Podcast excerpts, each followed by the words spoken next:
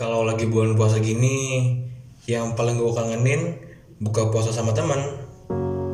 Bukan karena makanannya tapi rasa kebersamaan yang tak ternilai. Hari ini gue buka puasa di tempat yang dulu gue dan anak-anak sering datengin. Salam tawa dari bapak penjaga kios pun masih sama hangat kayak biasanya.